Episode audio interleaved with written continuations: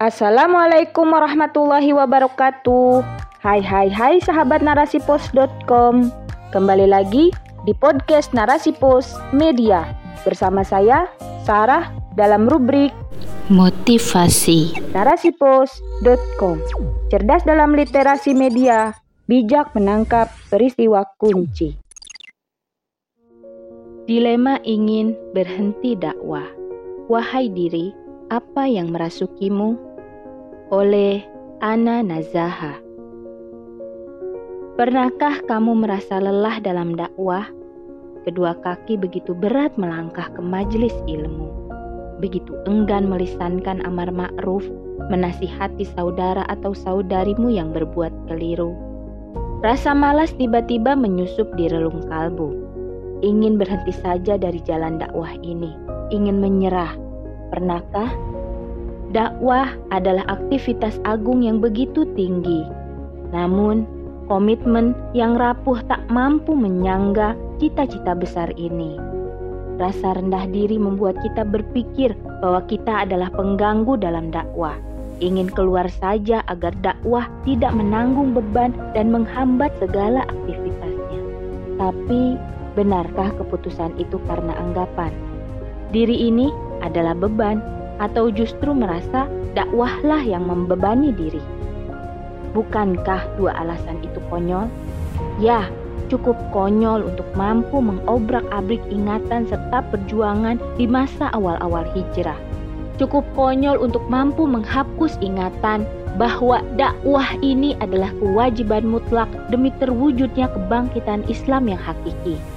Ya, benar, di awal hijrah semua terasa hangat, Hari-hari dihiasi suka duka, mengharu biru.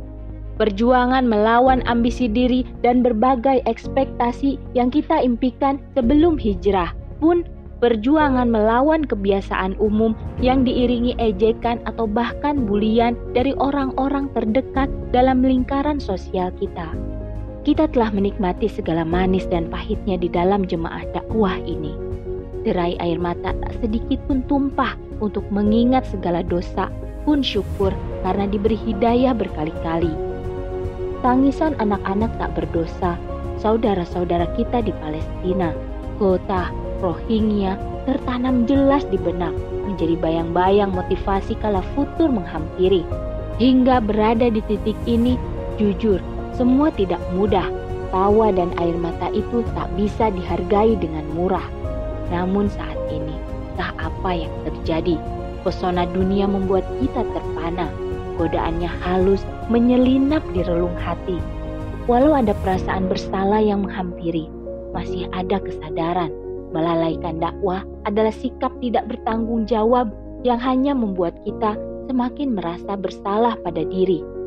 Namun, berada di jalan dakwah di saat gelora perjuangan itu mulai padam, membeku dalam kejumudan, sangat menyiksa diri. Maka di mata kita saat ini, setiap pilihan menjadi dilema. Keluar dari jemaah dakwah atau tidak, jiwa berada di persimpangan jalan yang pelik. Sebagai manusia yang Allah berikan kita akal untuk berpikir, tidakkah kita sadari bahwa Allah telah begitu mengistimewakan kita?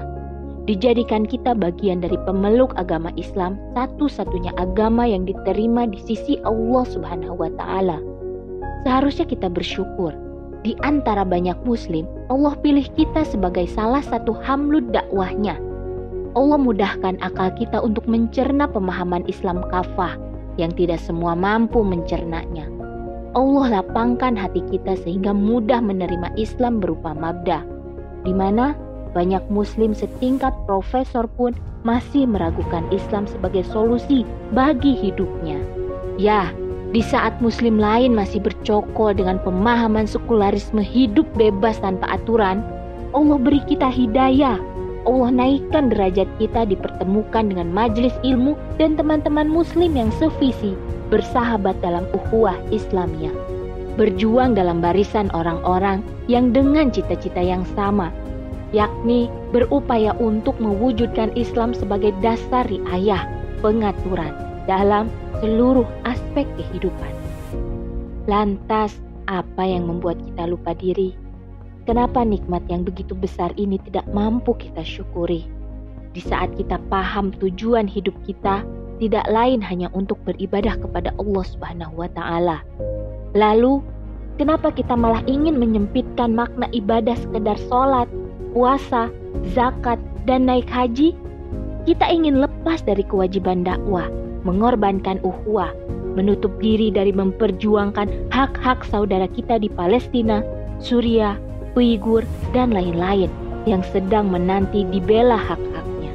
Tahukah kita, dalam setiap malam gelap yang pengap, dalam setiap siksaan dan derita yang mereka hadapi, dalam setiap bom yang menyasar rumah-rumah mereka, saat mereka dalam camp yang disebut konsentrasi itu, mereka menunggu kita, tak pernah berhenti berharap dan berdoa agar saudara-saudara muslimnya datang membawa perisai yang kita sedang dilemakan saat ini.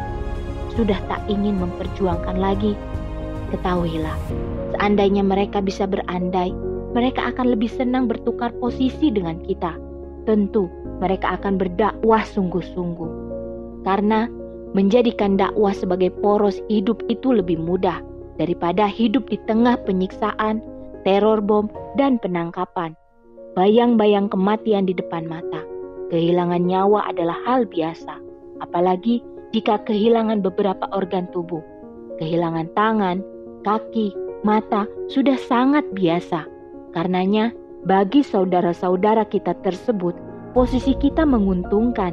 Posisi yang karena lemahnya iman malah kita anggap beban, sangat disayangkan.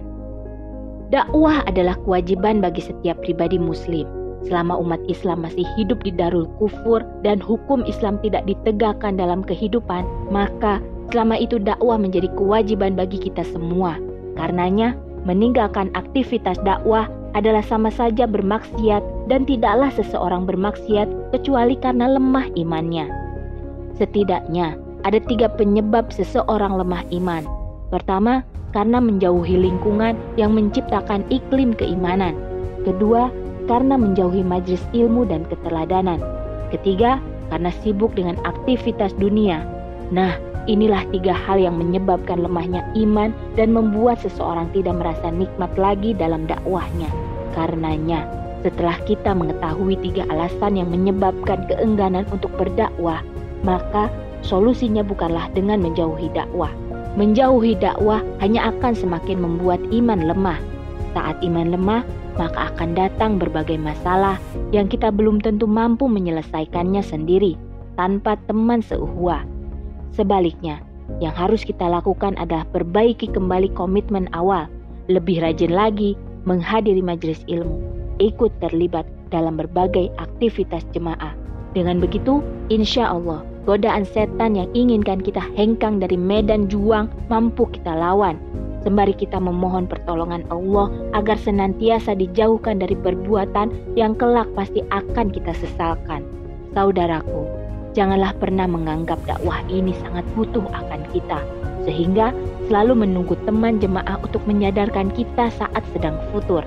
Perlu kita pahami bahwa kitalah yang butuh dakwah, kita yang senantiasa bergantung kepada Allah, karenanya janganlah lengah membiarkan futur datang lalu tak lekas mencari solusi. Bertobatlah kepada Allah, lekas berbenah dan jangan mengulang kesalahan yang sama lagi. Dan janganlah kamu berhati lemah dalam mengejar mereka, musuhmu. Jika kamu menderita kesakitan, maka ketahuilah mereka pun menderita kesakitan pula, sebagaimana kamu rasakan.